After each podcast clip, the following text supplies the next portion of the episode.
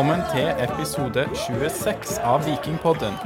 Og i dag har vi med oss Vikings nummer tre, kaptein Vilja Vevatnet. Velkommen, Vilja. Tusen takk for det. Så har jeg de to faste her ved min side, Lars og Torjer. Dere har akkurat levert en episode 25 av denne podkasten der dere hinter om at jeg driver med økonomisk støtte, eller støtter Mjøndalen økonomisk. Ja. Fysj. Ja, men det, er Det ville jeg aldri gjort. det var fordi kan- du vurderte å leie leilighet når Viking spilte bort mot Mjøndalen. Og Ja. da hadde du støtta de økonomisk. Ja, det er faktisk sant. Det kunne jo Ja. Nei, men jeg ville aldri donert eh, penger til Mjøndalen på Vips, i hvert fall. Så eh, nok om det. Vi går eh, videre.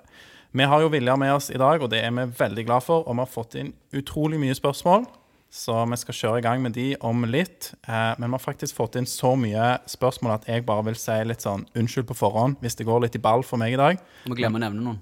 Vi glemmer å nevne noen som har sendt inn spørsmål. Det, er jo, eh, det ønsker vi jo å gjøre. eh, Gi creds til de som har gjort det. Så ja. Men vi kjører på. Lars, du skal dra oss igjennom nå i begynnelsen. Ja, stemmer. Jeg har er litt opptatt av at det begynner litt sånn mykt, da. Så jeg har noen spørsmål som, som du garantert vet svaret på, og så er det noen som er litt mer sånn opplysning, ting som alle sikkert har lurt på hele livet. Ja, spennende. Og det første er da hva foretrekker du av kunstgress og naturgress? Naturgress. Eh, midtstopper eller back? Midtstopper. Eh, høyre eller venstre fot? For på Fifa så står du som venstrebeint, men på FM så står du som høyrebeint. Ja, Det er jo helt sjukt at Fifa klarte å putte venstrebeinet som foretrukket fot der. Nei, det er høyrefoten som er den beste, ja. Ja, Men du er jo god med begge, da. Ja, jeg har trent veldig mye med venstre for at den skal være mer enn å stå på. Det har jeg. Jeg må bare skyte inn der apropos Fifa. Er du fornøyd med det avatarbildet du har på Fifa? Eh, jeg har ikke sett de siste to variantene, eh, eller to versjonene. Er det det samme ennå? Ehm, jeg husker ikke liksom om de har endra Men det er Nei, Hvis det er det samme, så er jeg ikke fornøyd med det. Nei, det ligner ikke veldig på deg. Nei. Ehm, og så er det da um, om det skulle eller burde vært gitt straffe til Ålesund uh, den 26.9. i fjor. Jeg tror dette er sånn enkle løsoppspørsmål. Det er vanskelig spørsmål å svare på. Nei, uh, la meg si det sånn at jeg hadde blitt uh, forbanna hvis jeg ikke hadde fått den straffen. Ja, OK. Det, det hadde jeg. ok, ja. Det er jo et greit svar, det. Så til de lytterne da som ikke skjønner hvilken kamp dette er snakk om, så er dette Kvartfinalen kvarten, ja. mot Ålesund i fjor. Ja. Um, og eh, så, enda lenger tilbake i tid, 4.3.2013 på Pinatar Arena. Hva anledning var det? Husker du det? Eh, Pinatar Arena, det var La Manga. Da var jeg med Da debuterte jeg for A-laget, tenker jeg. Det stemmer. Mot et sånn spansk lag. hva hva det heter da? Noe på C, kan det stemme? Ja.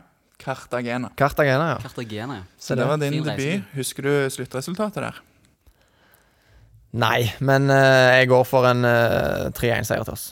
Ja, Det var ikke helt riktig, men du kom inn på stillingen 2-0 Ja. uh, og til Cartagena, og til slutt ble det 2-1. Husker du Dette har vi med oss! Ja, husker du hvem du kom inn for? Um... Det var en høyreback, kan jeg vel eh, røpe. Østlending. en høyrebekk, østlending, Håkon Skogseid. Ja. Det stemmer. Og eh, så er det en som er litt aktuell nå om dagen, som skårte Viking sitt mål. Han var ikke særlig eh, slo ikke særlig til i Viking, Mm. fra en øy. Nå er det vanskelige spørsmål. Ja, det vanskelig. Johan Simund Edmundsson. Det er riktig. Han for øvrig skårte sitt første mål i Bundesliga mot Ja, det så jeg. det så jeg. Så eh, det, det er òg en vei å gå. Ja, nei, ja. Ehm, og så er da eh, om navnet ditt. For du har jo et eh, veldig fint navn, må jeg si. Jo, takk. Eh, fornavnet ditt er Viljar. Du er veldig opptatt av navn, Lars. Og hvor holder idrettslaget Viljar til? Vet du det? Nei, det vet jeg ikke. Nei, det er på Voss. Ja, Det syns jeg du burde vite. Det, ja. de- disse neste spørsmålene forventer jeg ikke at du kan svare på. Det er mer sånn kuriositeter om ditt navn, da. Um, de, har, de arrangerer bl.a. årlige Viljarrennet. Så der kan jo du kanskje få være ambassadør. Det lukter jo altså når vi bikker 37 der, og jeg tar et par år på slutten av karrieren i Viljar og noen skirenn. Det, det hadde vært veldig gøy. Ja. Ja. Eh, men du har òg et fint etternavn. Det er Vevatnet. Hvor finner du Vevatnet-vatnet?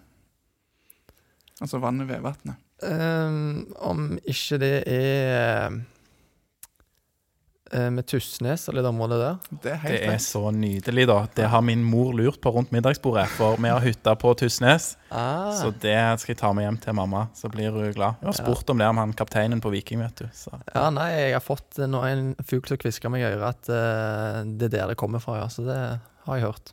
Ja, Det var ikke verst. Jeg vet hvor uh, meldingen kommer fra, hvis noen lurte på det. Det var det ingen som spurte om. Nei. Eh, Men eh, altså et, Det er jo et vann, og det har da prefikset ved foran. Altså ved vann. Hva er, betyr ved? Nei, sånn eh, med en gang så ville jeg sagt at det er ved siden.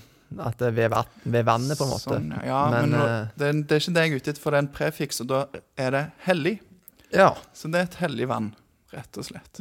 så mye du lærer nå. Så må jeg bare si, altså, dette er jo Lars, læreren blant oss, som spør disse spørsmålene. Så da ser du hva vi har å stri med her. ja, men jeg, jeg tar med meg dette. Altså litt uh, folkeopplysning her. eh, det, Det er sånn vi begynner disse podkastene. Ja. Så, ja. Og så siste Nei, eh, det er ikke siste. Det jeg har rett etterpå. Men hva er den norrøne betydningen av navnet Viljar? Villig kriger. Yes, Ja. det er helt riktig. Det fins òg en finsk variant, og det er det finske ordet for korn. eh, men eh, Viljar er villig kriger. jeg støtter meg på villig kriger eh, framfor korn, tror jeg. ja. Det er det vi ser mest av på, på, på banen for Viking, så det er bra. Vet du hvor mange menn i Norge som har Viljar som første fornavn? Eh, Nei. Det er 1217, så det er ikke et veldig populært navn. Til sammenligning så har eh, Alexander det 7283 som heter. Yes. Eh, Lars er det 29672. Bu. Ja, det er nesten litt for mange. Det er bare ni stykk. Tarjør. Dette Torjer. Mm. Er dette upopulære? Men Ville har hatt en veldig vekst, da, for det var bare 610 i 2012. Ja, jeg skulle til å si det. Altså, jeg tror det har blitt ganske mange flere av oss i det siste. Det kan jo være etter en viss fotballspiller sitt suksess. Nei, det, det skal jeg ikke ta æren for. Men jeg har bedt meg merke at det er flere småunger som heter Viljar. Ja. Og til sist, hva er, hva er det beste laget i Norge som spiller i gult og svart? Nei, det er lett, lett svar på. Det er Kjensvoll. Yes, det er riktig. Bra. Det var det jeg hadde nå. Ja. Det er gode Da, spørsmål. Lars, har du fått utløp for eh, dine spørsmål. Og da kan vi gå over til de innsendte spørsmålene her, rett og slett. Så vi har fått inn mye spørsmål, og vi begynner med et spørsmål fra Knut eh, Husdal, eh, som han har sendt inn på Twitter. Han sier det at Viking har gått fra å være et bankerått Obos-lag til å være regjerende cupmestere. Eh, hvordan har Viking endra seg fra innsiden siden du kom til klubben, eh, Viljar? Nei, det, det er et godt spørsmål. Altså, nå kom jo jeg når den verste nedturen var unnagjort, på en måte. Så jeg har jo fått med meg den oppturen. Eh, så jeg tror at den største endringen finner du fra altså den sommeren før, og så til, til du begynte Obos-oppkjøringen, kan du si. Eh, men at klubben har gått fra å være kanskje litt i villrede til å bli mer samla og eh, Ja. Det har blitt en eh, på en måte tydelig identitet i hvordan hvordan garderoben er, hvordan laget er på banen, og hvordan, hvordan klubben ønsker å være i forhold til å være folkelige og imøtekommende. Så eh, jeg føler at eh, klubben har tatt steg rundt det, at vi er Uten eh, de som bryr seg om klubben, så er vi ingenting, og at det er de vi er der for. Så jeg føler at der har klubben tatt store steg. Ja, det er godt å høre. Det er det nok mange som kan si seg enig i. Um, hvordan var stemningen i troppen når du kom inn? Ja, litt som jeg var inne på, så jeg tror nok at hvis jeg hadde kommet inn i november i nedrykksåret, så hadde det vært ganske så annerledes enn når jeg kom inn i januar. Eh, Men eh, stemningen var kanskje litt sånn uh, Ja, det var jo en litt sånn mørk sky hengende over, over klubben når jeg kom inn der, uh, følte jeg. Det var Det var Når du kommer ned der, så er du avhengig av å komme opp ganske kjapt før du mister momentum. Og at det en, du går inn i en ekstremt viktig sesong. Så jeg følte at mange kjente på det at det ble en veldig viktig sesong å prestere bra og få gode resultater. Så det var kanskje litt sånn nervøs og litt knytt. Eh, og så eh, løsna det etter hvert, så folk ble bedre kjent med hverandre, og relasjoner begynte å sette seg mer og mer. Og ja, klubben sin kultur og identitet på en måte ble sterkere og sterkere. Det har kanskje vært mange spillere i starten der i januar i 2018. Det har kanskje vært mange spillere som var på Som ikke hadde gått ut på kontrakt. Nei, eller- det forsvant jo ganske mange eh, som Ja. bare var der et halvår før de forsvant. Eh, så vi var ikke veldig mange, nei, men eh, det, vi var, det, var, det var kjekke folk da òg, uten tvil. Og så har det kommet mer kjekke folk i etterkant òg. Det er bra.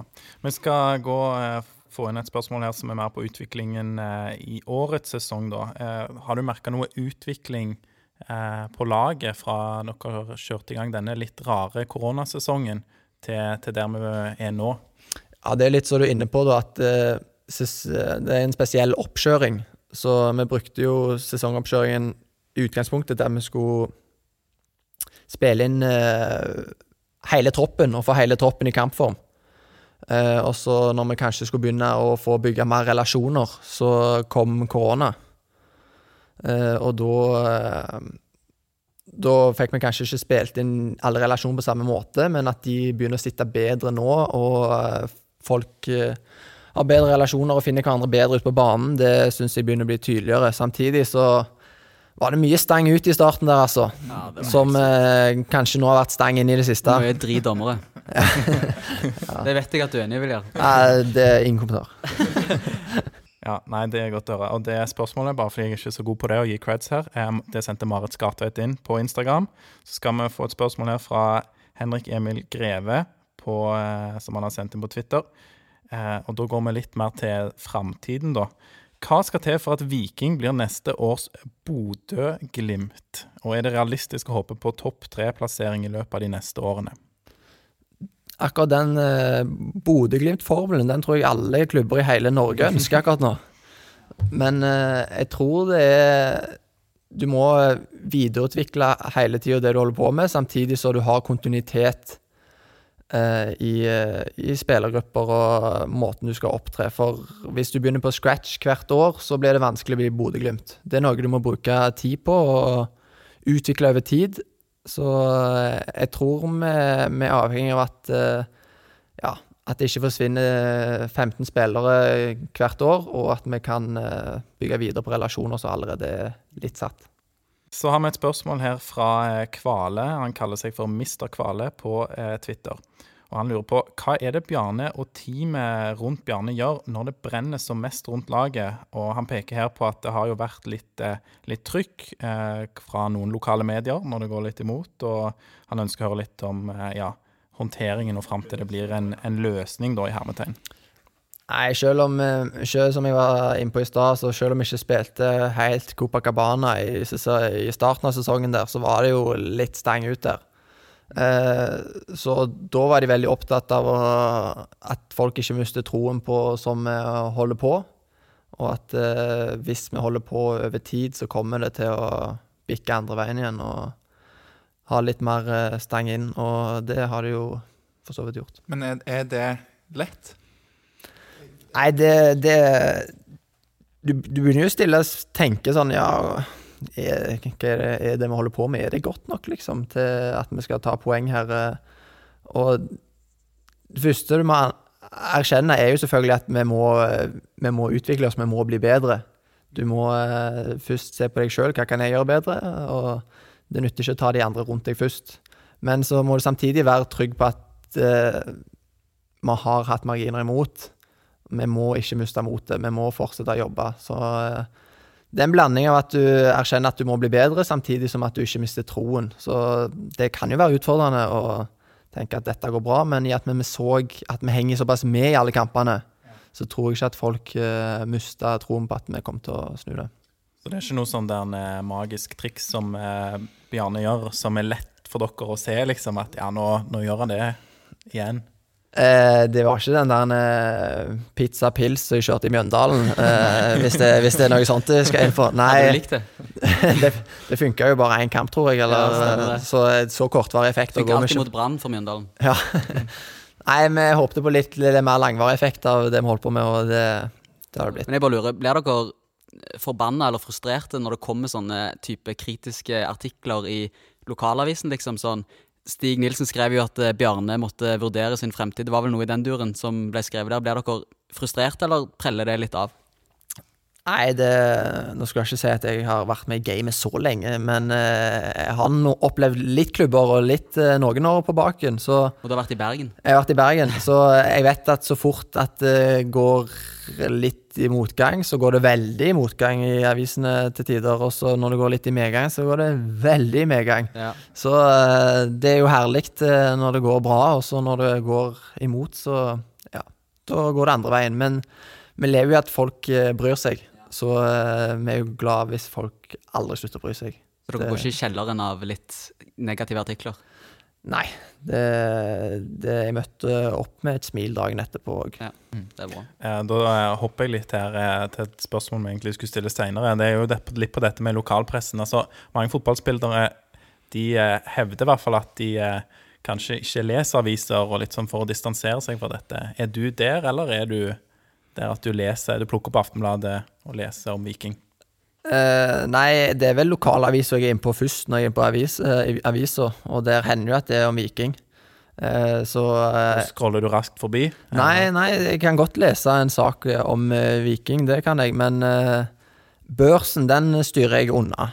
Det, det, for det har jeg opplevd både å spille bra og få en dårlig karakter, og spille dårlig for en bra karakter, så det, det tror jeg ikke at eh, jeg får så mye ut av personlig å lese. Men eh, å få med seg hva som skjer Det er jo ikke bare, altså Avisartikler om oss handler jo ikke bare om at Viljar har vært dårlig på trening i dag. Det er jo sjelden de sakene er der. Det er jo mer eh, hva som skjer i og rundt klubben, og det er, er spennende å få med seg. Da har vi fått inn noen spørsmål her fra en Lars fra Vikingpodden. Har du lyst til å stille disse spørsmålene sjøl, Lars? Ja, jeg, jeg lurte på eh, Dere er jo, har jo en del reisedøgn i, i året. og har, har dere sånn faste romkamerater? I utgangspunktet så har vi De fleste har fast romkamerat, men så er det jo litt eh, utskiftning på tropp eh, fra kamp til kamp. Men stort sett fast romkamerat, ja. Ja, Og du har da Sondre Bjørsol. Sondre Bjørsol, ja. Mm. Eh, og hvem av dere er den ryddige?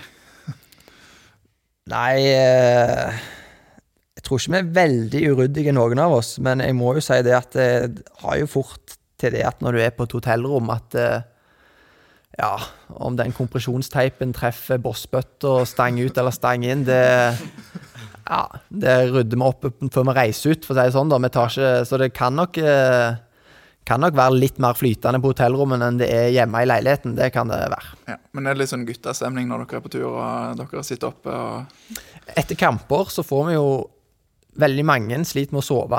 Sant? Du er helt proppa i adrenalin, og du spiller ofte på ettermiddag kveld. Så det å eh, Ja, da sitter vi stort sett på hotellrommet og kanskje ser en eh, film, eller vi ser fotballrunden, eller vi spiller noe kort, eller eh, ja, brettspill, eller eh, ja. Ja, Så det blir litt tid for sosialt òg på hotellrommet. Det er tid for litt sosialt, ja. Så det, det er kos, det. Har du eh, noen morsomme opplevelser på treningsleir eller, treningsleir eller bortetur med ikke nødvendigvis Sondre Bjørsol, men eh, om det er noen andre du har eh, Ja, ja nå, nå er jo denne podden her skal ikke bevege seg helt inn i Mjøndalen-podden, men eh, bortekampen mot Mjøndalen i fjor, det var en opplevelse. Um, vi kom til Sola da og tenkte vi skulle fly eh, rett til Oslo, og så buss til, til Mjøndalen. Men så, når vi kom på flyplassen, så klarer vi ikke å sjekke inn. Og da var det sånn OK, hva skjer nå? Og så var det borte i skranken, og Nei, da var hele laget blitt kasta av flyet, for det var overbooka. Oi. Ja. Eh, så da var det sånn Oi, ja ja, det var jo ja, det, det, det glei ikke helt forbi at det var OK, men eh, da måtte vi i hvert fall se om når gikk neste fly, da. Og så, jo, det neste flyet gikk vel i 11-12-tida, noe sånt, og vi skulle spille kamp klokka seks. Eh, og så var det en time forsinka, så vi kom eh, ja, til Gardermoen eh, ja, sikkert tre-fire timer seinere enn det vi hadde tenkt, da. Så når vi kommer på Gardermoen, så Så er det en buss som skal hente oss. Det er som regel ja, fly til Gardermoen, og så buss til Mjøndalen. Det er halvannen time, kanskje en drøy time, noe sånt. Ja. Uh, og så den bussen er, den ser litt ut som en campingbil. For det er en veldig komprimert buss. Så det er liksom sånn at alle sitter to og to for å fylle alle setene, da. Så det, den har bussformat, men den er mer minibuss. Å nei. Eh, Dette var før korona. Dette er før korona, det må presiseres. Og så er det en fin sommerdag i Oslo, så det er, der kan jo være varmt og godt. Eh, og så viser det seg at aircondition i bussen streiker. Nei, nei, nei, nei, nei. Så vi begynner på 30, ja, litt over 30 grader. Og når vi kommer til Mjøndalen, så står det at det er 40 grader inne i bussen, og alle sitter i bar overkropp. Hallo. Og da kommer vi til hotellet Håper det blir tatt noen bilder. to, to, to og en halv time før kampen. Eh, Ja, det er lite. det er lite. Vanligvis, vanligvis er vi på hotellet kanskje ja, som regel seks timer før. Ja, og så sover spiser vi ikke over på borteturer? Altså fra eh, lørdagen til Ikke? Mjøndalen, men hvis Ikke Mjøndalen, hvis hvis- det er i Drammen, da er det greit. Ja, hvis det er i Drammen, da er det greit. Men hvis det er via via og litt sånn heisen reise, da er det dagen før. Okay. Eh, men vi spiser i hvert fall kampmåltider tre timer før kamp. Så det var vi allerede en halvtime-time for seint til. Og så var det bare å kaste i seg et kampmåltid, og så ville vi ikke ha bussen eh, opp til stadion fra hotellet. Sant? Vi ville ikke sitte i 40 grader, selv om det ikke var lenge beten da. Så da bestilles det taxier, sånn maxitaxi. Og eh, da kommer det tre taxier, to vanlige maxitaxi og én rocktaxi. altså, de har ikke rocktaxi der, men det var den, den gata, da. Så der eh, Vi følte oss litt som Hvilken taxi satt du i? Litt, jeg satt ikke i rocktaxien. Nei, ok. Men vi følte oss litt publag på tur. Eh, men det, altså, opplegget var jo i og for seg ikke noe gale med, men det var liksom bare bom på bom på bom på bom. Det var liksom alle på én dag. Det var kanskje like greit. Eh, og så fikk vi med oss en uavgjort, så det var kanskje den største prestasjonen vi hadde i fjor. Ja. Det er Oppladningen sett i betraktning. God eh, slutt på den eh, ja, kjipe Hvem som skåret i den kampen? Var det Høyland, eller var det Jeg er så dårlig på å huske Ja, Det var et sånn langskudd, jeg tror det var Frid Jonsson. Ja, den som dabba ned der, ja. Ja. Så var det litt sånn Hvem var det sitt, egentlig? Mm. Ja, stemmer det. Det, det ble diskutert, det. Ble det ampert i garderoben etterpå? Nei, jeg tror ikke det ble ampert, men uh, det ble hullet ut. Ja, for nå kommer jo han tilbake igjen, så eh, Ja. ja. Ja, det kan hende at det blir det som blir diskusjonen eh, på første trening der. Nei, det er bra. Det blir det, altså er det sånn at noen lager bråk? Da, jeg vet ikke, er det, Stian Refvik som organiserer dette, eller hvem er det som har det ansvaret? Og da må de ringe til SAS og klage og Ja, det, ja, det blir jo en prosess etterpå at er sånn Vi, vi er jo ganske gode kunder eh, av flyselskapene sånn sett, så det ble jo en liten sak etterpå at det var jo litt eh, Litt kjipt, eh, sånn det ble for oss. Det påvirka jo ganske mye. Så eh, jeg, eh, jeg fulgte ikke den saken tett i i Det er ikke ditt ansvar. Det er ikke mitt ansvar. Nei, Uh, men det er ikke eh, en del av kapteinsrollen. Her kommer Viking FK, liksom.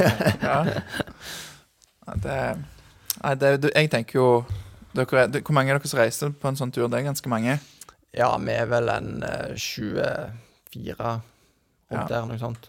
Og hvis et fly er full, fullbooka, så bør det kanskje være mulig å kaste ut et par, tre, fire stykker istedenfor 24. Jeg syns det er en voldsom overbooking på 24 mann. Det, det syns jeg. Da har de gjort noe rart, ja. Ja, Eh, vi skal gå over til noen spørsmål som handler litt eh, ja, mindre om laget Viking, og litt mer om, om deg, Viljar, og den rollen du har. For det, ja, nå har Bjarte Østebø på Twitter har spurt eh, hvordan endte Viljar opp som hans ord forsvarspotet? Eh, ble du mye flytta rundt i, eh, i ungdomsårene? Nei, helt fair ord med forsvarspotet. Eh, Det er beskrivende og fint, det. Nei, jeg var vel egentlig Ja, jeg var vel egentlig klink stopper fra jeg var 13 til jeg var 18. Eh, og så, når jeg var 18, så sleit jeg jo litt med å etablere meg Eller når jeg var ja, 17-18, sleit jeg litt med å etablere meg på juniorlaget i Viking, da. Eh, og da ble det noen sporadiske kamper på bekken. Eh, og så var vi på en turnering, Jetcup Jet Cup het den på Hamar. ehm, der jeg eh, ble, fikk spille back, da. Og så gikk det ganske bra, og så var landslagstreneren på min alder der da og så på. Så ble jeg tatt ut på landslagssamling som back, Ja. og da var jeg back. Så da var jeg back egentlig fram til i ja, fjor, forfjor. Ja, for, for når f.eks. Brann ville hente deg, så i samtaler med de, så var det hele veien ja, jeg er back. Ja, da er back, eh, og da har jeg jo spilt litt kant òg. Ja. i, i Bryne. Stemmer det. det ja. Så, men eh, det var jo først og fremst bekk jeg så meg på, men de så på at jeg var en bekk som kanskje kunne bekle en kant. Ja. Det kunne jeg jo ikke. Det fant de jo fort ut av.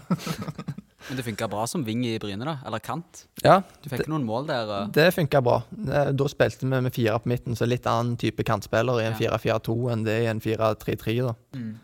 Så, men der funka Der funka veldig mye bra. Der ramla det min vei, det meste. Eh, Fredrik Berge Kristoffersen på Instagram, uh, som for øvrig ikke har så mange bilder på Instagram, men ett av de er med han og Thierry Ari, Oi. så ble jeg litt misunnelig når jeg så det. Så eh, ja, kjekt for Wow. deg, Fredrik. Um, men han har et spørsmål til Viljar og lurer på uh, på hvilke områder føler du at du må bli bedre på på banen, og som kaptein, har du noe du ønsker å utvikle deg på, noe du jobber spesielt med? Ja, absolutt har jeg lyst til å bli bedre. Og som på banen, da, så eh, i den posisjonen jeg har, da, som jeg velger å se på som stopper, selv om jeg har spilt back nå i det siste, så ønsker jeg å være enda tryggere og enda bedre i de valgene og det jeg gjør med ballen offensivt. Sånn at det kan være en enda bedre angrepsstarter for laget med oppspillene mine. Eh, det jeg å bli bedre på. Og så som, eh, som kaptein så Ja, det er klart at det, Jeg har ikke en Det er jo fl- flåsete å si, egentlig, men jeg har ikke en bærende stemme sånn Jeg må få en høyere stemme, sånn at jeg når bedre rundt til alle de eh, rundt meg med, når jeg har noe på hjertet.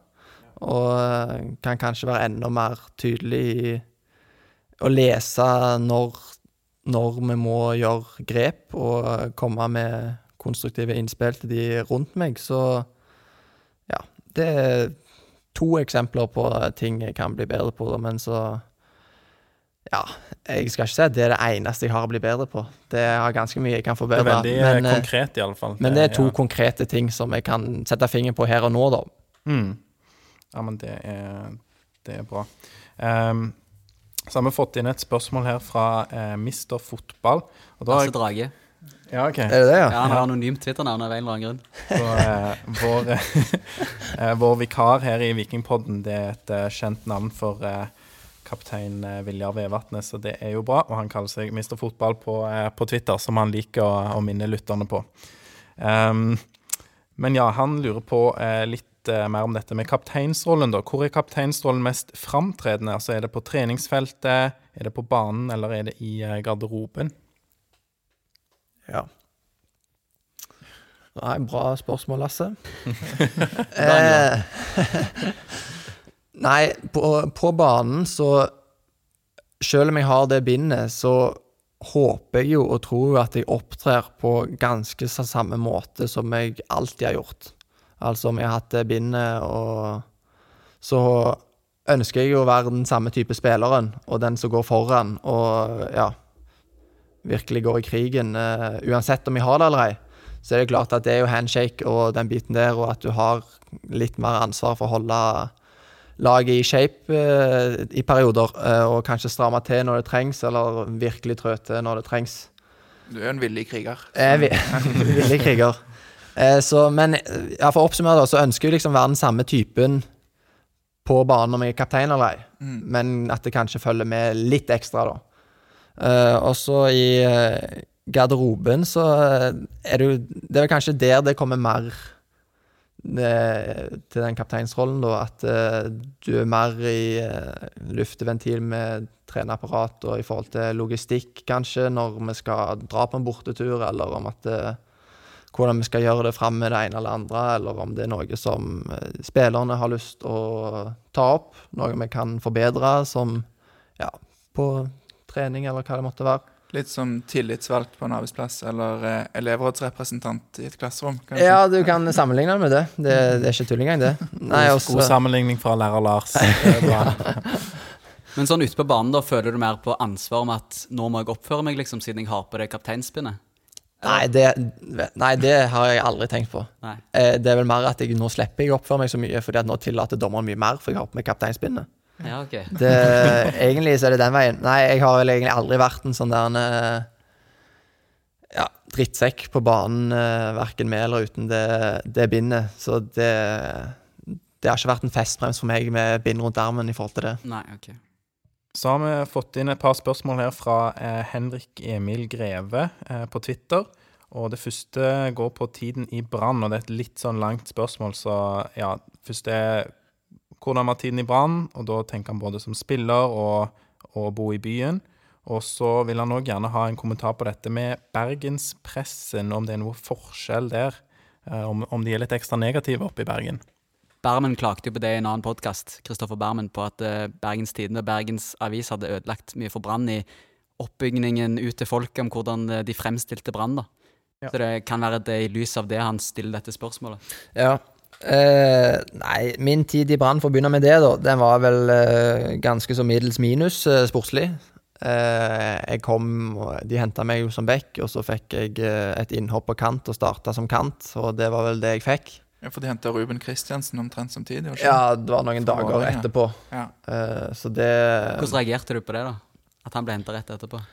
Nei, jeg var jo sånn i alle dager, men så var jeg sånn Ja, jeg skal spille, jeg. Ja. Mm. Han får uh, finne seg en annen posisjon. Ja. Uh, men så ble det ikke sånn, da. Det ble, det ble jeg som fant, fant meg en annen posisjon, og det var på benken eller på tribunen. Uh, så det, det var et slag i, slag i eh, fleisen, for eh, jeg kom rett fra Bryne, der liksom det hadde vært en opptur hele veien. De var jo veldig ivrige på å signere deg òg, for du signerte først kontrakt for, gjeldende for neste år. Og så fikk de forhandla fram en avtale så du kom tidligere enn planlagt. Stemmer. Eh, Så på mange måter så følte jeg meg jo ønska at de ville ha meg med en gang. Eh, Men så Ja. De hadde sikkert ikke gjort det hvis de hadde visst at de kunne få Ruben Kristiansen eh, tre dager etterpå. Ja. Så det skjedde noe veldig fort der, Mm. rett rundt min signering. Eh, og så sånn sett i ettertid så husker jeg jo at det liksom var litt sånn Ja, du kan bekle kant nå, kan du ikke? Jeg var sånn, ja, jeg har jo spilt noen kamper. Liksom. De var liksom litt opptatt av det de siste, rett i de siste avgjørende skal si, timene, da, men dagene. da. Ja. Så det kan jo hende at de sånn sett i ettertid, så at de var så opptatt av det, var fordi at de følte på at det var noe som kunne skje da. De henta inn en annen venstreback. Ja. Ja. de spilte i Brann, var det 4-3-3 eller 4-4-2? 4-3-3. For, for jeg tenker det er jo eh, Selv om nå fikk du jo kanskje litt signaler som du skjønner i ettertid at var eh, signaler om at noe er på gang, men er det fort gjort å ta det liksom sånn Du har fått et innhopp, og så kommer Ruben Kristiansen inn. Og ta det personlig, liksom. At eh, Ja, ikke.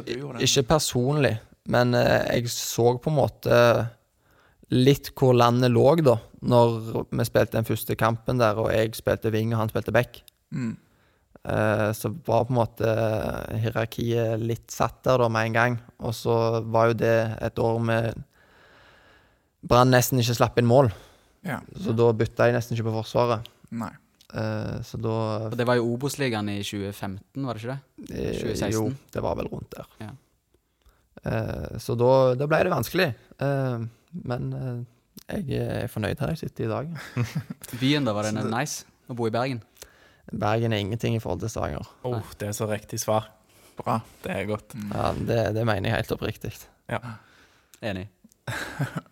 Om, eh, om, sa du noe om, eh, om, om pressen der? Eller liksom Nei, om forholdet mellom klubb og, presse i Brann kontra her? Ja, nei Han er nok inne på noe at de, de elsker å finne litt sånn eh, Dritt. drit, ja. Og, og nøste opp i. De, de er glad i å finne det, altså. Men eh, ja, de produserer så mye saker oppe der om Brann at noen blir drit, og noen blir eh, kjekke. Eh, sånn er det. Eh, og de pirrer nok kanskje enda flere med de som er litt kjipe. Uh, nå har jeg, når jeg kom til Viking nå etterpå, så har det jo stort sett vært en opptur. Sant? Så da har jo avisene her vært eh, stort sett eh, veldig eh, positive til alt som har skjedd. Så ja. Det var det egentlig for så vidt i Brann òg, men det har vel blitt, gått litt mer imot nå siste årene, så det har kanskje blitt litt verre da. Mm. Så satser vi på det fortsetter sånn at eh, de lokale avisene her de har ingenting negativt å skrive om, så vi får ikke testa de på det engang.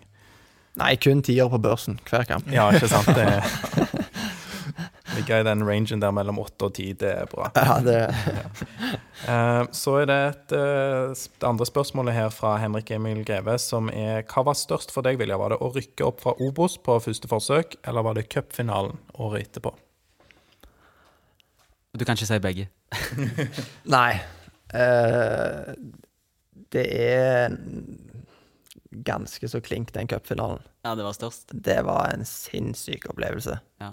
Det, jeg får litt sånn uh, gåsehud av å tenke på eh, når vi hadde vunnet, vunnet der, og det var helt stappa sjappa på tribunen, og hele Stavanger var i Oslo den helga, og ja Det cupfinaleshowet vi hadde dagen før Ja, på scenen i Spektrum der, det er sånn Ja, det er surrealistisk. Så den Hele den helga, egentlig, det var det var magisk. Det er veldig kontrast til hvordan man har det nå på kamp òg, ser jeg for meg, der man har eh, 200 og ja. Ja, Vet du hva, hvis jeg skal være helt ærlig, så føler jeg litt at uh, vi er på en annen planet nå. Mm. Uh, for det er jo interesse rundt klubben. sant? Det er like mange som bryr seg om Viking nå. Uh, lokalavisen er på like mange treninger og produserer like mange saker. og det store av det hele, det er like mange poeng som spilles om nå. Men du ser liksom ikke interessen på samme måte, fordi de er der ikke på søndag klokka seks. Det er bare et lite fåtall av dem. Eh, så det, det er en veldig annen opplevelse, og jeg Ja. Jeg er så gira på å få folk på tribunen igjen. Ja. Det, det er så mye kjekkere. Men det blir vel kanskje 600. 600 nå fra neste hjemmekamp? Det hjelper masse på. Ja, Det er jo tredobling. ja, det er sant. Det blir eh, bra, ja. Så skal vi over til noe helt annet her, og det er Mats Leirvik på Twitter som spør eh, Har Vilja fått brukt mastergraden sin i økonomi og administrasjon til noe foreløpig, og er du en framtidig sportsdirektør? Um, nei, jeg har ikke brukt den mastergraden til noe arbeidsrelatert. Det, det er vel mer det at jeg har eh, forstått at renter, eh, renters rente er en god greie, og eh, det er lurt å ha pengene i fond. Eh, det, men sånn Ja. Sånn faglig, så, eller sånn arbeidsmessig, så har jeg ikke fått brukt det. Jeg, før jeg begynte på økonomi, så begynte jeg på energi- og petroleumsteknologi. Ja. Så en bachelor i det. Så måtte jeg slutte med det når jeg flytta til Bergen. Så eh, nå holder jeg på å bare skal fullføre den, da. Jeg er halvveis i den. Så eh, når jeg har fullført eh, den bacheloren, så er Ja, Bjarne har ikke hørt det ennå, men eh, da er planen å spørre om det passer at jeg kan eh, kanskje holde på litt på sida med i en, eller annen, I en eller annen bedrift som syns det er greit med en liten deltidsstilling for, for en kar som meg. Kult, da, men så kjekt at vi får litt sånn breaking news. her Ja, det er ikke så mange som vet det. Det Da har ikke vi så mange som vet det. overskrift episoden. Ja, Scoop. Kan Nei, men eh, det, På vei ut av fotball. Nei, nei, nei, det er ikke den uh, ikke, ikke sånn. Nei, men du har jo André Hansen, eksempel, oppe i Rosenborg, som uh, har juss, og som jobber som advokat på uh, sida. Og jeg, for meg så er det veldig greit å ha noe annet på maten når jeg kommer hjem fra trening av og til. Ja. Mm. Uh, og ha litt andre ting å tenke på og ta meg til. Eh, så når jeg ikke studerer lenger, da, så tror jeg jeg er avhengig av å ha noe å gjøre på. For jeg er, ja, jeg er ganske så rastløs. Jeg jeg må gjøre ting. Så, og da kunne ha hatt en liten eh, deltidsstilling en plass, det, det tror jeg var knall. Ja, men Da har du sådd noen frø nå her, så får vi se om det bærer frukter eh, i arbeidsmarkedet etter hvert. Um, ja, vi går da eh, til noe som vi på sett og vis har vært litt innom allerede, og det er Viktor Gabrielsen som lurer på eh, hva var den tyngste beskjeden å få? Var det dette som vi har snakket om, at Eliteserien ville bli spilt uten publikum, eller at den sagnomsuste festivalen på Idse ikke kunne gjennomføres i år? Og så lurer han på hvorfor var det sistnevnte. Nei, det er et elendig spørsmål fra Viktor der. Eh, nei, eh, det er klart at eh, å spille kamper uten Eliteserien er det desidert, eh, desidert kjipeste av de to. Men ja, nå lurer sikkert alle her på hva den festivalen på Itse er, da. Men det er at vi hver sommer så møtes med ja, en gjeng med ja, rundt 20 stykk, da, og så er vi på hytta vår på Itse. og så er det vannsport og grilling og sommeraktiviteter, da. Så det er et, et eh, av sommerens eh, høydepunkter eh, hvert år, det. Så det er steinkjekt, men det kan nok ikke måle seg med publikum på eh, SR-Bank Arena. Det kan ikke. Jeg har jo hørt at den festivalen på Itse har den høyeste deltakertilfredsheten av alle festivaler i Norge. Ja, vi, vi sender ut uh, spørreundersøkelse i etterkant. og Det er skyhøye scores. Det, Så alle de 20 deltakerne pleier å være storfornøyde. ja, vi pleier å ligge på godt uh, rundt 20 av 20, ja. Ja. Åh, det Den er anonym, da, den spørreundersøkelsen. Den er anonym. Ja. Eh, Så leser jeg her at det er flere spørsmål fra Lars, Vikingpodden. Ja, jeg hadde lurt på eh, Hvem er den beste spilleren du har spilt med? Og når du har svart på det, så kan du svare på hvem er den beste du har spilt mot. Ja. Eh, ja, gode spørsmål. Eh, Spilte Altså- vi en god i barndommen, husker jeg. ja, det var noe på eh, Viking gutt 94 der, syver, som var gode. Ja. Eh, nei, eh, jeg har jo spilt veldig mye med Birger Meling opp gjennom årene. Eh, og han har alltid vært steingod, men det har kanskje ikke fått den Ja, hva skal jeg si? Creden og utløpet for det som han har fått nå i det siste, da. Uh, så at han er blant de, de aller beste jeg har spilt med, det, det er det ingen tvil om. Uh, og sånn der han er i dag, viser jo kanskje at det er fair. Ja, Det er bra. Og eh, Birger Meling kan jo eh, kanskje spille en viktig rolle nå i eh, denne uka her, med kvalik til Mm. Ja. EM. Ja, det blir spennende. Det blir spennende på torsdag, ja. Eh, hva med dette med, med motspiller, da? Så du Ja. nevner med aldersbestemte landslag. Er det noen der? som Ja, har det kommet blir nok og- en derfra, da. Mm. Eh, vi spilte mot eh, i, i EM-kvalik, da, så møtte vi Tyskland. Eh, og de hadde, de hadde jo veldig bra lag. Eh, men de hadde Timo Werner på topp. Oi. Ja. Ja. Eh, han, Var jo, han var to år yngre, men han var fremdeles med. Eh, og jeg starta ikke den kampen, men jeg kom innpå som Ja, nå kan dere lure. Jeg kom innpå som indreløper. Oh, ja. Oh, ja. Ja da, så eh, Jeg møtte han ikke i en ren duell, men ja, bra spiller. Mm. Rimelig, jeg hørte rimelig greit etterpå. jeg. Ja, har gjort det bra. Mm. Ja, har gjort det bra. Få se nå i årets sesong. Det er jo ekstra spennende for eh, Timo. Ja. Mm. Og jeg eh, lurte òg på ikke, Litt krøkkete formulert, kanskje, men hva er liksom en den tyngste eller kjipeste beskjeden du har fått fra en trener eller klubb, men som likevel har fått et positivt utfall? Altså Skjønner du spørsmålet? Jeg skjønner spørsmålet, Ja. Og jeg føler jo egentlig at det blir veldig søkt mot når jeg eh, gikk fra Viking når jeg var 19. Ja. Din da eh, Ja, det var en tung, en kjip og en vanskelig beskjed å få. Eh, at jeg på en måte ikke var den første jeg ville satse på. Ja. Men samtidig så var det litt sånn OK, da Nå går vi for det. Nå, nå skal jeg vise dem. Ja. Dette der, der gjorde de feil. Ja.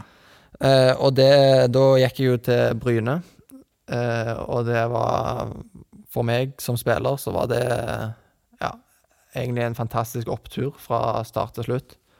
Så den beskjeden jeg fikk fra Viking om at de ikke ville satse på meg, det var mye bedre enn at de hadde sånn Ja, du skal få sjansen. ja. Og så hadde de ikke meint det. Hvis de hadde meint det, så var det greit. Men hvis de ikke bare liksom for å holde meg der, så eh, var det mye bedre å få den beskjeden jeg fikk. Altså at jeg var akkurat dårlig nok til å kunne gå. og jeg fikk utvikla meg videre der. Da kan vi jo hoppe litt her til et spørsmål som gikk nettopp litt på dette. og Du har nevnt at eh, du spilte med Birger Meling, da, uh, god spiller. Uh, og det var vel omtrent samtidig da at dere ikke fikk eh, tilbud om kontrakt. Eh, stemmer det, Vilja? Eh, ja, kanskje passe stemme, holder jeg på å si. Ja. Det, jeg hadde kontrakt, Ja. eh, og han eh, hadde vel ikke det, nei. ja. Men jeg fikk eh, bryte kontrakten min når jeg skulle gå til Bryne der. Ja, skjønner. Ok. Dere er jo samme alder Ja. uansett. Mm. Mm. Men, eh, men hva tenker du, du har vært litt inne på det allerede, da, men var, var Viking altså, Følte du at dette var forståelig fra, fra Vikings side, eller bomma de litt på å se på en måte hvem de burde satse på? Eh, nei, sett i ettertid så Ja. Kan jo hende at de bomma. Ja. Eh, men det er jo ikke sikkert vi hadde vært der vi er i dag hvis de ikke hadde gjort det de gjorde, heller. Mm. Eh, så det er veldig vanskelig å sitte nå i dag og være eh, påståelig akkurat på det der, syns jeg. Mm. Eh, men at eh, Ja. Det er vel kanskje litt tilfeldig òg, da. Så det er sikkert gode folk man konkurrerer mot, men så kan jo de havne i andredivisjon eller fjerdedivisjon til slutt, om det er vel vanskelig. Det er jo akkurat det. Ja. Og både meg og Berger var jo venstrebacker, først og fremst da, når vi liksom i 18-19-årsalderen. Eh, og der hadde jo Viking Kristoffer Haugen. Ja. Mm. Eh, så det var jo At de ville satse på han, det var helt fair, det. Han eh, var fre lengst fremme i køen av oss. Og vi var liksom tre venstrebacker som var like gamle, eh, og da er det, da er det vanskelig. Mm. så da må, må på en måte klubben ta litt valg òg, for du kan ikke satse på tre. Nei. Da må du i så fall leie ut, da. Mm. Eh, så ja, jeg skal ikke være for mye påståelig på akkurat det der, altså. Nei, Skjønner. Det, det er sikkert lurt. Det er jo på tape, så det er godt Ja. å tenke på det. Eh, vi har jo vært litt inne på dette med utdanning, eh, og det sier jo litt om dine ambisjoner utenfor banen, da, Viljar. Men har du noen ambisjoner om eh, utlandet, eller kan det være at du er den neste André Danielsen? Eh, jeg vil først og fremst si at ja, jeg har ambisjoner om utlandet. Ja. Eh, jeg tror at det er veldig viktig òg for alle spillere for at de skal prestere, at de hele tida vil bli bedre, og hele tida vil eh, oppnå noe mer, ha noe å strekke seg etter.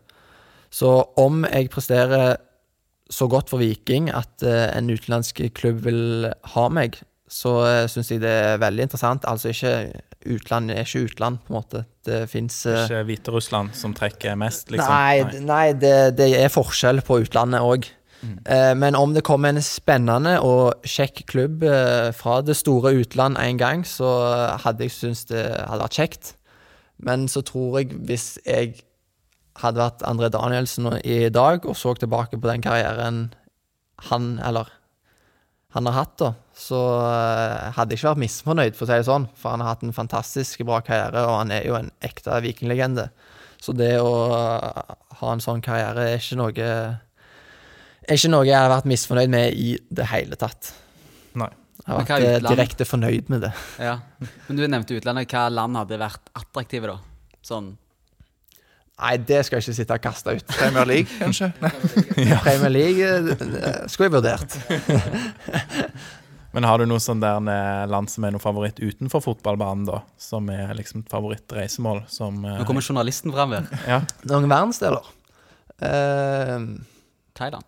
Ja, det er kjekt i Thailand. jeg ville ikke spilt fotball der, men det er et fantastisk ferieland. Eh, nei, jeg har ikke noe Altså, jeg har vært i eh, Thailand et par ganger, det er veldig kjekt. Mm. Eh, neste verdensdel jeg har lyst til å reise til neste gang, er Karibien. Så Ja.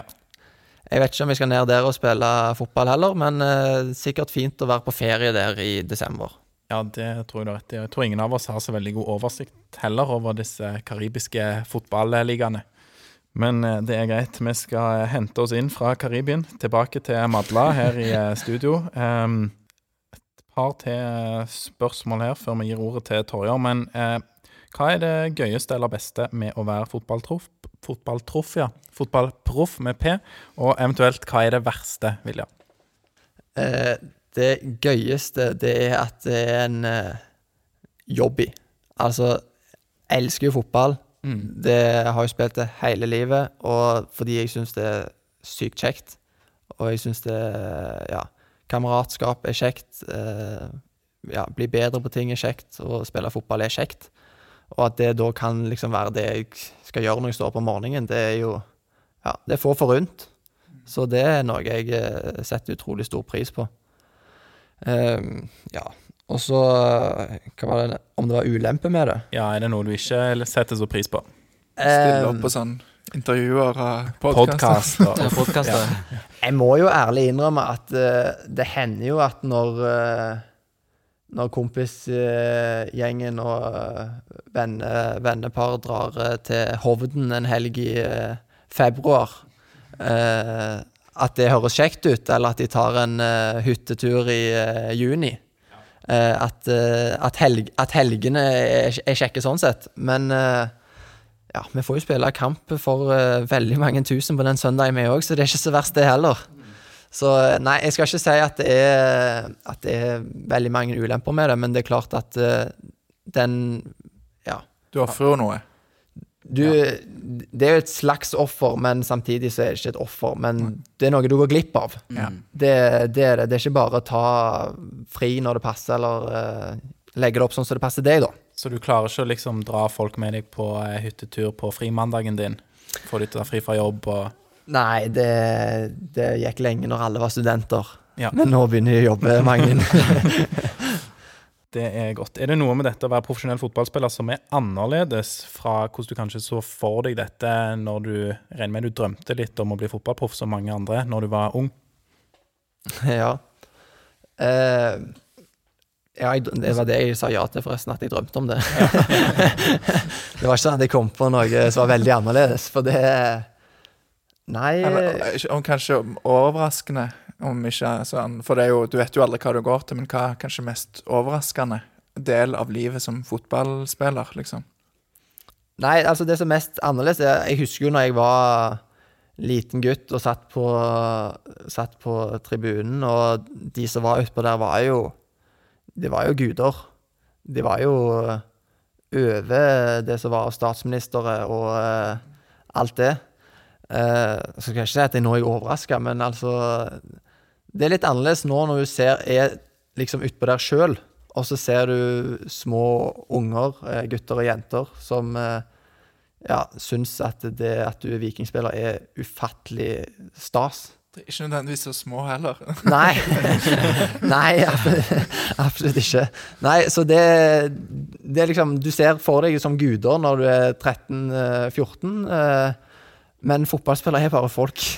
Det er altså det, Ja, jeg skal ikke si at det overrasker i det hele tatt. Det er ikke sånn, men eh, ja.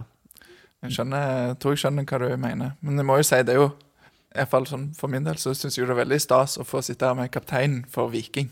Det er jo Ja, og det er jo veldig, veldig bra at uh, du syns det, og at andre syns det. For uh, vi, vi skal jo være Altså, det er jo det som gjør at vi er Viking. Og at eh, Viking er en business. At Viking fotball faktisk er en business som eh, kan Kan eh, være med i Eliteserien hvert år. Det, det er avhengig av at folk bryr seg om klubben. Ok, Um, jeg har vært ute og prøvd å få tak i litt inside information på deg, og jeg har fått inn en del artige spørsmål som jeg um, Du har ikke de foran deg, de spørsmålene? Er du litt sånn Kalle Hellevang Larsen i dette studioet? Stemmer det? Eller en Fredrik Gressvik som er ute og fisker Eller? Fredrik Gressvik rett i felten? Ok. Ja, eh, jeg føler meg veldig som han. Ehm, og eh, jeg kan jo røpe såpass at informanten eller informantene er felles bekjente av oss begge. Så da kan du tenke deg til hvem det kan være. Ja, det kan jo være flere, men jeg mistenkte at det ville være en felles bekjent. Ja, Ja, det, det er det, altså. Vi kan kanskje ta det etterpå, så ikke han blir outa her på luften. ja vi får det. Han er litt mediesky, denne personen. Hvis det er dårlige spørsmål, så kan vi oute han. Ja, ok. Vi analyserer det Eller dårlig in intel, da. Jeg er jo veldig glad for at han fiksa meg spørsmålene, så får vi se om du er fornøyd med dem. Eh, Det første spørsmålet er hvem er best i lab-arbeidet av deg og Janni? Jeg vet ikke hva som menes med dette spørsmålet engang. Ja, må du si litt hva Ja, jeg, ja jeg må vel, må vel forklare hva som ligger bak. Nei, vi, meg og Janni går jo petroleum sammen, så vi har hatt litt eh, lab da, på universitetet eh, sammen. Uh, Janni er nok litt lurere enn meg, fordi han, han er litt sånn skal vi, skal vi gjøre det sånn? Eller stille kanskje et spørsmål for å forsikre seg om at det blir gjort rett. Ja. Jeg er kanskje litt mer sånn ja, Det kan jo gå, gå som regel bra. Du tester ut dine egne hypoteser. Nei. Ja, ja, så jeg er kanskje litt frampå at det, dette ordner seg. Ja. Eh, og det har jeg blitt uh, straffa for. eh, med at ting har gått eh, ikke så bra. Eh, ja, ikke, ikke det at eh, laben står der ennå, uh, men at det har vært litt søl av det ene og det andre, det, det må jeg innrømme. Det var, ja. Spennende. Så for å svare på spørsmålet, Janni, Ja, Janni har vært beste prestasjon på lab. Det er ydmykt og fint. Neste spørsmål her skjønner jeg heller ikke så mye av, men jeg håper jeg får en forklaring nå. Det er hvilket år er egentlig årets år? Jo, nei, det Det er dypt i uh, Intel her, ja. Ja. Eh, nei, det var vel egentlig bare det at eh, når vi slutta på videregående, så handla det om å gjøre så mye kule ting som det gikk an. Eh, kjøre mest mulig vannsport. Eh, ja, gå på, gå på de kjekkeste fjellturene. Ja. På, Hvordan vurderte dere dette, da? Hadde dere liksom en intern konkurranse, deg og noen kompiser? der? Nei, det var ikke noen konkurranse. Det var mer det at um, nå må vi gjøre noe fett. Ja, okay. sant? Det var ekstremsportveka på Voss, det var fallskjerm, det var fjelltur, det var ja. Og da ble det årets år. Det, var liksom beste årets året. år, det er liksom Ja. det beste året. Og så har liksom hvert år etterpå vært det beste året. Ja. Så årets år er liksom et år som aldri tar slutt, kan du si. Hva er årets år i dette koronaåret, da? Nei, det har vært få år altså, Det er blitt mer et sånn aktivitetsbegrep. Altså årets år-aktivitet. Okay. Ja. Eh, og det har vært færre av de eh, i år enn Ja. det har pleid å være. Det, ja. Det er jo forståelig. Hvem er den egentlige sjefsmafiaen blant den beryktede Kjensvollsmafiaen? eh, hvem som er sjefsmafiaen? Ja. Åh, nei, det er mange posisjoner som er fulgt i den mafiaen. Eh, hvem som sitter på toppen, det Ja. Det Jeg må tenke at den gjengen som er der nå, så er det vel kun én som har gått på Kjensvoll skole. Én som kjenner gatene. Eh, så det er nok eh, Ja, den rollen tar jeg. Den rollen tar Kjensvoll-mafiaen. du. Du er sjefen. Mm.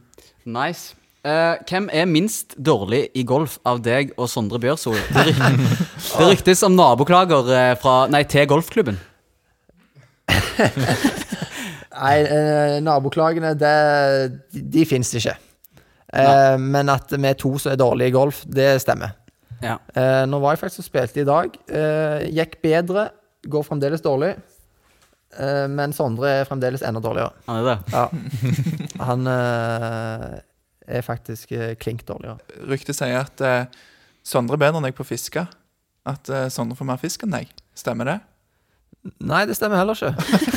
Du, men eh, Det er noe dere begge gjør, men han eh, Sondre han håper jo og tror at han skal Det er Sondre Bjørsson vi snakker om, for de som er i tvil om det. Men han håper jo og tror at uh, han skal få uh, safe i land den laksen i, uh, i løpet av uh, en sesong. Eh, og det han trodde i flere sesonger nå. Og det skjer ikke. Nei. Eh, det skjer bare ikke. Um, og jeg var, var med en gang og sto i den elva og fant ut at dette her Dette her eh, er ikke noe for meg.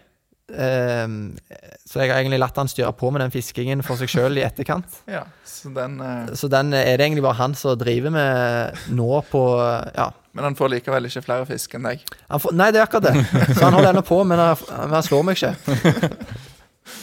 Ja, det er bra. Ja, jeg må bare si det at han, Informanten er veldig snill òg, for han skriver her en tekst han vil at jeg skal Eller han, stiller, han skriver et spørsmål han vil jeg skal lese opp for deg. Ferdig med master, begynt på bachelor, pussa opp leilighet, rykka opp og tatt cupgull med barndomsklubben. Ikke verst det i løpet av to og et halvt år. Hvordan får du tid til alt dette? Uh, nei, vi har jo mange timer i døgnet. Noe skal vi holde på med. Ja. Uh, nei, jeg, jeg er ganske rastløs, da, så jeg uh, Ja, det verste jeg vet, er egentlig nå, nå på lørdagen som var, så hadde vi, meg og samboeren min hadde ingen planer. Nei.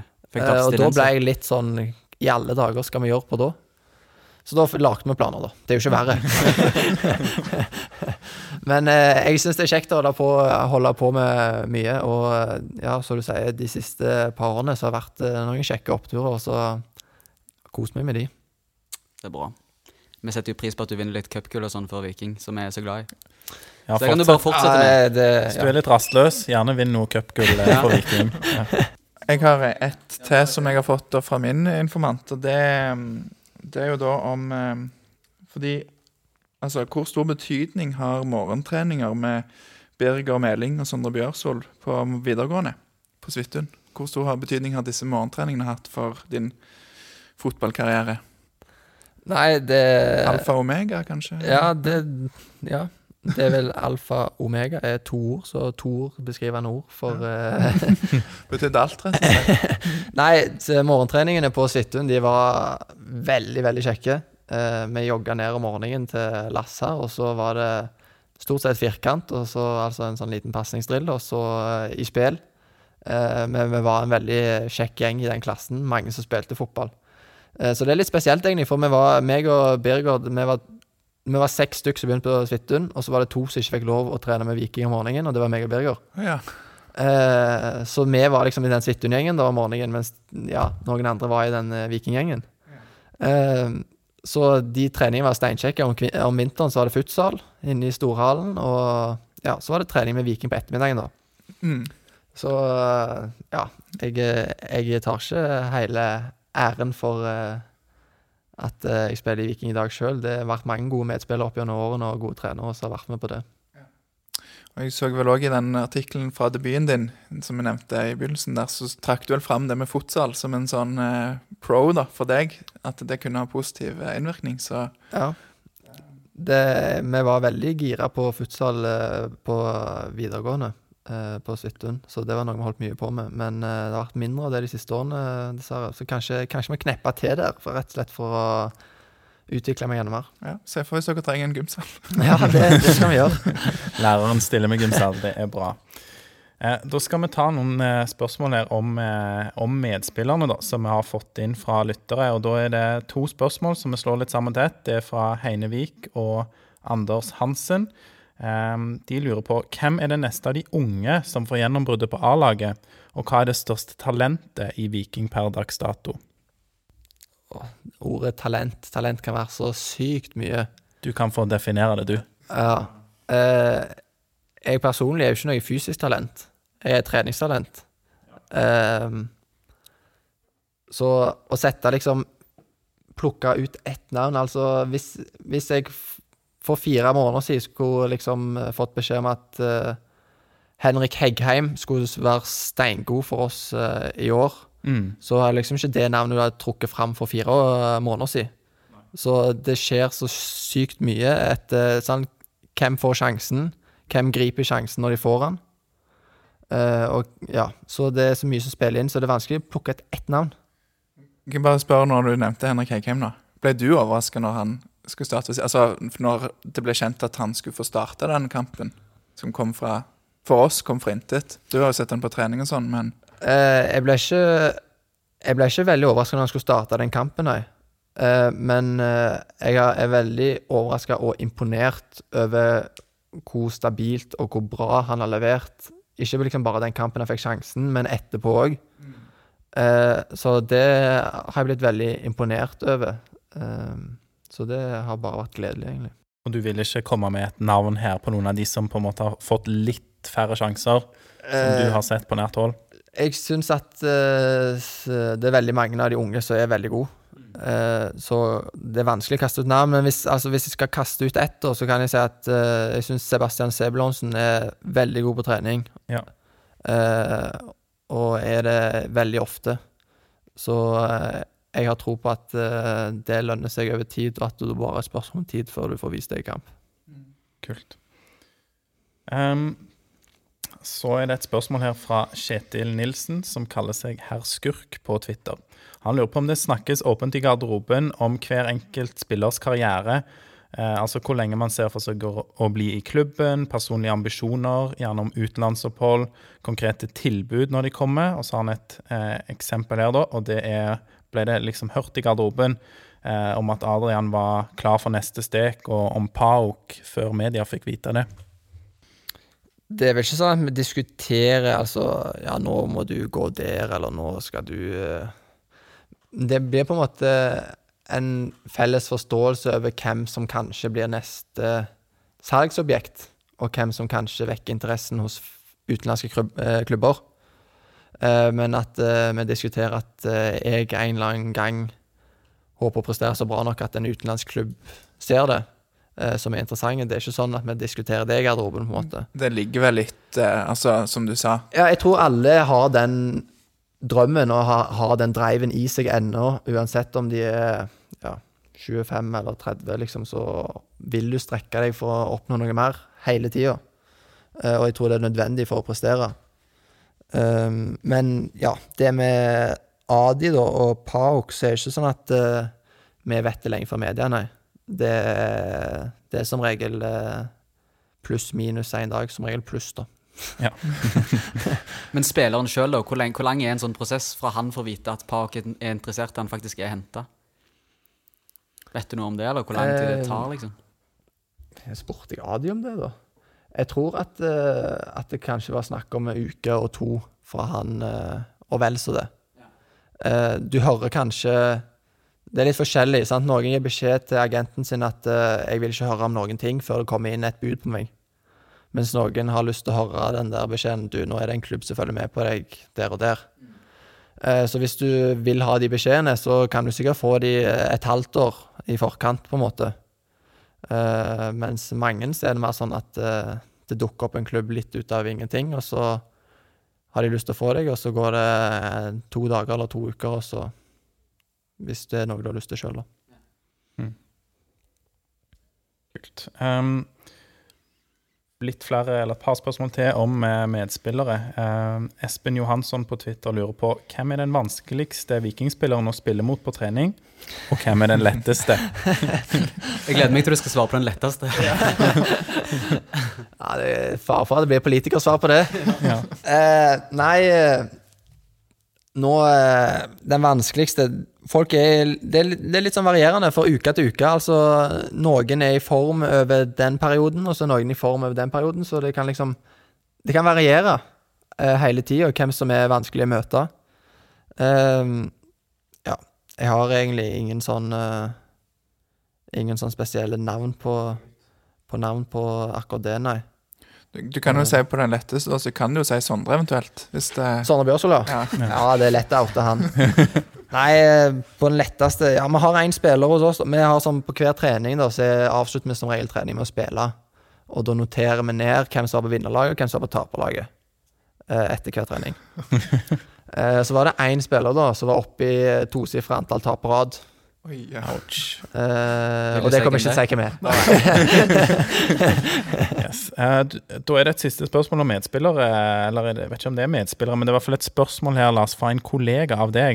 Det er mye tekst på det spørsmålet. Kan du eh, levere det? Ja, jeg har eh, kanskje omformulert det litt, sånn at det ikke nødvendigvis går til dagens eh, stall og, og lag. Men eh, la oss si at du spiller på bekken, da.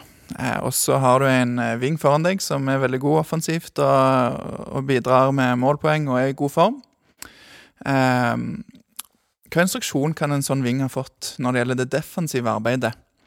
Eh, og hvordan påvirker det deg som back? Får da vingen beskjed du trenger ikke jobbe hjem? Eller ja. Han får vel ikke beskjed direkte om at du trenger ikke jobbe hjem, men det er vel kanskje litt enklere å se mellom fingrene på eh, hvis du ikke gjør det, og så smelle inn et par kasser andre, andre veien. Eh, så det er mer enn sånn der han, Ja, det går greit. Hvis det liksom går glipp av å ikke sprinte tilbake den ene gangen. Eh, så får heller eh, vi bak der prøve å ordne opp. Ja, for deg som Eh. back, liksom, da. Inngangen til kampen. Eh, Inngang til kampen så kommer jeg uansett uansett å forvente at han foran meg skal gjøre jobben defensivt. Ja. Eh, det gjør jeg. Men hvis jeg vet han er i veldig god form offensivt, da kan det hende at jeg lar han styre litt på mer sjøl. Så kan jeg stå litt mer igjen, da, sånn at han slipper å dekke for meg bakover. At, at jeg har gått i tillegg. ja. Men at kanskje jeg lar han kjøre på litt sjøl, og så kan heller jeg ligge på kontradekningen. Mm. Så da blir det en sånn forståelse med dere imellom, egentlig.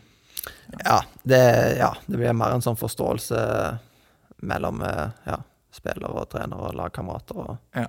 Men eh, jeg tror alle i det lengste forventer at det legges ned en hard innsats, og det, det gjør jo kantspilleren hos oss. Så det, Ja, ja så det var ikke, hadde ingenting med dagens lag å gjøre? Altså. Nei, ikke, nei. det, Ehm, ja, da, Det nærmer seg eh, slutten, Uh, men vi har noen spørsmål til. Vi har holdt deg her lenge nå, William, men vi holder deg her Ja, men det er trivelig. til. Ja, men det er godt du syns det.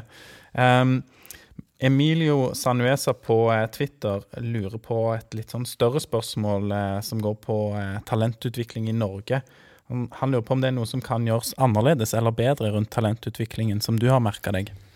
ja, så du sier, det er jo et veldig stort sp- spørsmål. Eh, og det er jo veldig mange som eh, mener det ene eller andre om akkurat det. Eh, jeg Hva skal jeg si Min første tanke om det er at det er vanskelig å se på en 11-åring, en 13-åring, eh, hvem som er best når de er 23. Eh, ja, meg og Torje har spilt på lag når vi var 11. Eh, jeg ja, skal ikke si det sikkert, men hvis du skulle tatt ut én på det laget, som spilte på uh, Viking i dag, så er jeg ikke sikker på at det har vært meg. Det hadde blitt Torjar. Det var han de så. Nei, men jeg tror du har rett i det, altså. Ehm, at det er andre som kanskje uh, var lenger framme enn deg i den alderen, og så tok du de igjen seinere i utviklingen, på en måte. Ja, uh, for det, det, folk utvikler seg ekstremt forskjellig. uh, både fysisk, men òg altså Hvis du jobber hardt over tid, så får du en utvikling eh, der òg. Jeg mener jo, Nå er det ikke sikkert så mange av lytterne er interessert i min mening på dette, her, men jeg eh, har jo hørt folk som sier at eh, de som stiller opp når de er barn og ungdom, de skal få spille minst en omgang, da, f.eks. en policy. Og det føler jeg går litt hånd i hånd med det du sier der. Man vet ikke hvem som blir best.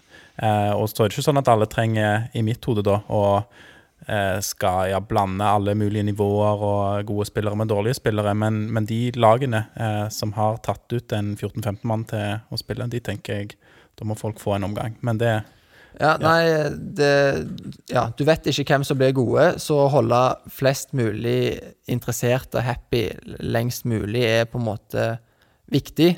Eh, for de som virkelig har driven eh, til å kunne bli det, og har nok forutsetninger til å kunne bli det, de kommer kanskje seinere. Eh, men det er klart at det, det, det er så hårfin den balansegangen der, for du må mat matches mot gode spillere òg. Eh, ja. Så det ja, Det er et vanskelig Vanskelig å sette et, to streker under svaret på det. Men at det er viktig å holde med magen så lenge som mulig. Og det, det kan jo hende at du ikke trenger å trene så så eh, ofte, og at det heller legger opp til at eh, folk skal gjøre det på egen initiativ. For de som virkelig har driven til det, altså og virkelig ønsker det, de, de kommer til å trene utenom. Eh, og det er vel så bra for utviklingen, det, som at du uh, alltid har det under satte rammer og, og under en treners oppsyn. Så jeg tror den leken og den iveren på å holde på på egen hånd, jeg tror den er veldig viktig for at du skal bli god uansett. Så om du Ja. Mm. Et, eh, et helt annet spørsmål eh, her fra Still the Laugh på eh, Twitter. Har du noen gang eid et dyr, en fugl? Hvor ble det oppbevart, og hva var navnet på denne fasanen? Ja, det, han, Hva er dette for noe? Han vet, han vet jo om noe som ikke dere gjør her. Nei, det på, Jeg er jo oppvokst på Ullandhaug, da. Eh, Og der er det jo en del jorder. Så eh, et par somre, da, så hadde vi en fasan. Det er den samme fasanen, da, som gikk og tråkka i hagen eh, ganske ofte. Så når jeg liksom satt inne, da, så kunne jeg høre han stå og skrike ute. Da visste jeg at det var den fasanen, Så for øvrig fikk kallenavnet Kjell Åge. eh, eh, og da kunne jeg springe ut med litt eh, ja, noe tørt brød til han, eller noe sånt, og se om han ville ha litt av det, da. Jeg måtte bare google hva en fasan var. Jeg, nå. Og jeg innrømme. Ja, det er flotte fugl. Ja, det ser litt ut som en kylling. Ja, det er en svær kylling med farger. Uh, Hannene har farger, så det var en hann, det her, da. Eh, men grunnen til han tar dette, er for at det ble litt sånn uh, artig historie ut av det. For jeg hadde en kompis eh, som heter Viktor, da, på besøk på. Eh, så var vi ute i hagen og grilla, og så spilte litt sånn der, eh, ja, spil, sånn hagespill og sånn. Det er Viktor Gabrielsen. Det er her, Viktor Gabrielsen, ja. Fra tidligere spørsmål. Mm. Det, det, det er han. Eh, nei, så sto vi og grilla burger da, mens vi spilte disse hagespillene. Eh, og da glemte vi jo litt ut de burgerne. Så når vi kom tilbake til grillen, så var de helt svarte. Så da sa jeg til Viktor at bare ta og kast han bort på plenen der. Så kommer sikkert Kjell Åge og tar han. og så så Viktor på meg. Så sa han ingenting. Men han kasta han på plenen der. Og så liksom gikk det et minutt og to, og så liksom hva- er Hvem er Kjell Åge? Så da hadde jo han trodd at vi hadde en nabo som kom og, og plukka opp eh, Plukke opp eh, restene på, eh, hage, eh, i hagen som vi ikke skulle spise. da eh, Men det var fasanen som oppholdt seg rett i området. Ja, for jeg regner da med at svaret på spørsmålet fra Viktor Gabrielsen, som spør kunne også vært interessant å vite hva du matet denne fuglen med, som oppfølgingsspørsmål. Det er da Det er burger. Svidd burger. svidd burger. Det er bra. Um, kan du, Vilja, skaffe oss noen av disse frekke Diadoria treningsjakkene? Det lurer vi i Vikingpodden på. Vi syns jo du kan kjøpe noen kule vikingklær i butikken på Sport1, men dere har noen kule treningsjakker, altså. Ja, jeg, jeg, jeg er spent på hva jakker du tenker på. Altså de regnjakkene vi trener i.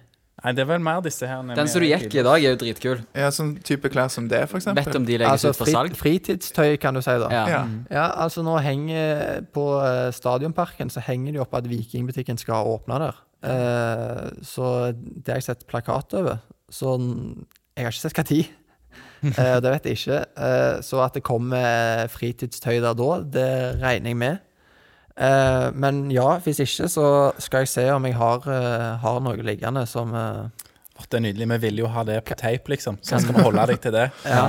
ja, nei, det skal være mulig å oppdra noe eh, Så, så får vi se om du kan få noen Vikingpodden-klær i retur. Ja, vi skal lage noen av de. Så Det er minst, Nei, minst jeg, har like fått, jeg kult. har fått en pakke kjeks her, som er- da, da er vi even stil. Det er fin byttedeal, syns jeg. Kjeks mot gensere. Ja, ja. Nei, men sånn helt seriøst så er det Det finnes en del kule ting eh, på Sport1, eh, Diadora vikingklær. Men eh, det vi ser av og til at det går At vikingspillerne går i noen veldig stilige klær da, som hadde vært nice som ble gjort tilgjengelig. Så hvis du har kapteinsinnflytelse på sånne ting Nei, men det, at det hvis, å- hvis det er interesse der ute, så tror jeg de blir veldig glad for å høre om det. Så det skal jeg videreformidle. Det er godt. Vi kan si at vi har fått mange henvendelser med, så det Ja. kan ja. Det er det vi har fått flest spørsmål om, egentlig. Ja. Nei, jeg var faktisk Jeg var, var en kompis av meg som lurte på om de hadde golfutstyr i Viking. Ja. Ja. Eh, så da måtte jeg inn på Vikingshoppen og sjekke, da. Mm. Eh, jeg fant ikke golfutstyr, dessverre. Eh, men jeg fant altså Det er jo noe gammelt som ligger der, Ja. eh, på den Vikingshoppen. Mm. Eh, det er ikke, alt er ikke helt nytt. Eh, så når jeg bladde til siste side, da, så fant jeg altså en caps eh, uten caps. OK. Og ja, de der luecapsene, liksom. Ja, det er uten solskjerming. Ja, så jeg du har kun den runde hatten, da. Ja, ja. Det, for meg høres dette ut som ei lue, men eh, Ja, jeg luer over ørene, da. Ja, så, ja, Ja, sånn, ja. sånn, ja. Eh, så eh, jeg har kjøpt tre sånne nå. Har du det? Jeg har henta tre eh, sånne hatter i dag. Eh, og jeg håper ikke dere skal sende dette nå i kveld, for jeg skal gi det i bursdagsgave til en kompis på, i morgen. Da, da er du safe. Ja. Det er bra. Vi er så å si ved veis ende, men vi pleier jo alltid å snakke litt om forventninger til neste Vikingkamp. Og eh, det har du òg sikkert, eh, noen av. Men nå er det jo litt pause, Vilja. ja, nå blir det jo fri til helga, og så uh, braker det løs igjen etterpå. Og så er det Odd. Er det Odd, Odd eh, borte. borte ja. Mhm.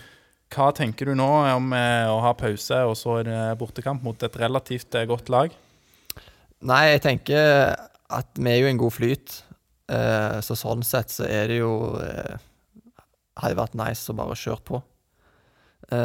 Samtidig så skal vi holde på til 20. desember.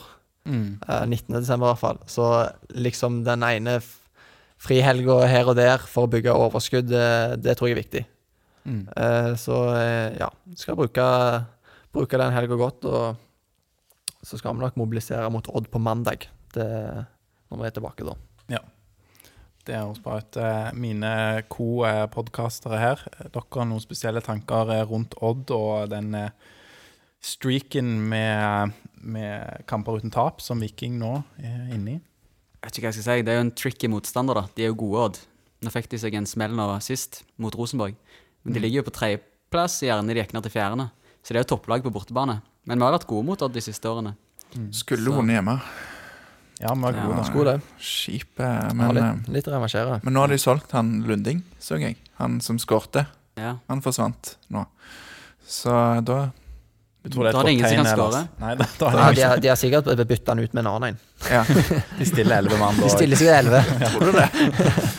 Eh, hva eh, syns du William, nå om å få Frid Jonsson tilbake i dette eh, overgangsvinduet her? Nei, han er jo en veldig bra spiller. Eh, så det er fryktelig stas å ha gode spillere i garderoben og på laget. Så eh, det, det er en positiv nyhet, så det er gledelig. Det er gøy å se at han eh, sier sjøl at både at Viking er en spesiell klubb for han, og at eh, dette var sterkt ønska av både klubb og spiller, når den muligheten åpner seg. Absolutt. Og eh, det tror jeg ikke bare noe han sier. Jeg tror eh, at han virkelig føler på det at eh, vi har et, veld, et veldig godt miljø, eh, både i garderoben, men hele klubben er det en litt sånn positiv vibe over. Mm. Så at eh, det er noe han har savna etter ettertid, det, det tror jeg gjerne på. Ja. Mm. Og så får vi jo et helt nytt angrepsvåpen i de innkastene hans. Da kan jo du være med fram og heade. Ja, det er sant, faktisk. Jeg kommer med mer opp i boksen, det, det liker vi. Men du det, skåre flere mål. det fikk vi jo se godt eh, på forrige kamp. Det var deilig mål. Det var Mm. Ja, det var, det var godt å skåre. Nå har jeg liksom skåret Jeg skårte en del i oppkjøringen i år. Ja. Stemmer. Eh, men vi vant aldri når vi skårte. Og det gjorde vi ikke nå heller. Men det ble i hvert fall ett poeng. Det føltes som en seier, for Det var litt sånn når vi lå under 2-0, så var det ikke forgjeves, det målet. Nei. Så det føltes godt. Mm. Det gjorde det. Nei, Det er bra. Det, men mer, merker, du, merker du på spillere Jeg regner med alle gjør alt på banen, alltid. Men merker du på spillere om noen liksom brenner ekstra for klubben? Det, Og betyr det noe? Det er vanskelig å si. Altså, jeg, jeg tror jo at eh, Ja, jeg, altså svaret på det er ja. Mm. Hvis du hadde gått inn i den nedrykkssesongen eh, der det ble signert eh, i hytte og gevær på sommeren på halvtårskontrakter Jeg tror ikke alle de følte på en voldsom samvittighet over om Viking spilte eliteserie eller Obos. Du så jo hvem som ble òg. Det var jo Torsteinbø og Høyland som er lokale. Ja, så jeg tror nok at eh, lokale kjenner på en eh, ikke, ikke nødvendigvis lokale. Eh, Det kan være, vel så gjerne være Fridjonsson. Fridjonsson eller Løkberg eller hvem det måtte være, men at noen føler mer på et ansvar for klubben de er i, og ja, det, det er det nok. Jeg har et siste spørsmål som jeg glemte å stille i sted. Høyrebekk eller venstrebekk? Du har jo spilt begge deler denne sesongen. Mhm. Nei, eh, det er venstrebekk, det er jeg mest vant med. Du sa det var siste spørsmål, Torjer, men Ja, har eh, du har vi noe eh, ellers som er, Nå må vi bruke anledningen, men, Ja, men- det, vi har vært gjennom veldig mange spørsmål. Mm. Ser, du, ser du på fotball? Er du liksom Ja, jeg, jeg ser på fotball, det gjør jeg, men som jeg var litt inne på, så er, er det ofte jeg har hatt fotball på maten uh, hele dagen. Eh, og at eh, da eh, ser han film òg på kvelden. Det er ikke sånn at jeg må se serie B, liksom, eller eh, Ja. så sunn er fotballinteresse? Ja. Ja. Jeg, er- jeg er veldig interessert og glad i fotball. Hva så er laget ditt, da? I England? Nei, det er jo de heltene i United da, som sto på så juling i helga. Kondolerer. Sheffield. Ja. Ja, nei, Leeds, ja. Leeds, ja. Nei, det Nei, det er bra. Jeg tenkte bare på han eh, Hvem var det? Azoe Kotto på Tottenham. Venstrebekken som bare ikke visste noen ting om fotball annet enn laget han spilte i. Han var god på back. ja, jeg, det, det, Helt, eh, det er fascinerende. Da vender du eh, Ja. Skjønner ikke at det er lukker mulig. ørene. At det er sånn null interesse for fotball, men du spiller på i den beste Det, ligaen, Men liksom. det er mange som eh, har sånne jobber, da. ikke sant? Det, det, det er derfor man jobber. Man jobber for å leve, man lever ikke for å jobbe. Men de færreste fotballspillere tror jeg har det sånn. da. Jeg tror de fleste som spiller fotball, eh, er fordi at de er veldig glad i fotball. Ja. Eh, og at de ikke så på det først og fremst som en karrieremulighet, men at det et, utvikler seg til å bli det. Mm. Det får være noen eh, kloke avsluttende ord eh, fra deg, Vilja. Viljar. Tusen takk for at eh, du ville stille opp. Veldig kjekt å være her. Vi setter veldig pris på det. Så ønsker vi deg masse lykke til videre. Nå først med en liten pause, og så mot Odd, og så videre i sesongen. Jo, tusen takk. Og så kan vi si vi har en vikingdrakt som vi vil gjerne at du signerer. Det har vi gjort med den ene gjesten vi har hatt til nå, og håper at det kan gjestene vi har, gjøre. Så Det skal være mulig å få til det. Det, det ordner vi. er. Takk for det. Så, Så får jeg ta kontakt med dere når jeg finner noe tøy. eh. Ja. Ja, Det er egentlig derfor du er her mest. For oss, eh, Ja, jeg skjønte jo det nå. Men lurte dere å vente med det til slutten. Skal vi ta og avslutte som vi alltid gjør? Ja. Er det én, to, tre. Hei, Heia Viking! Viking!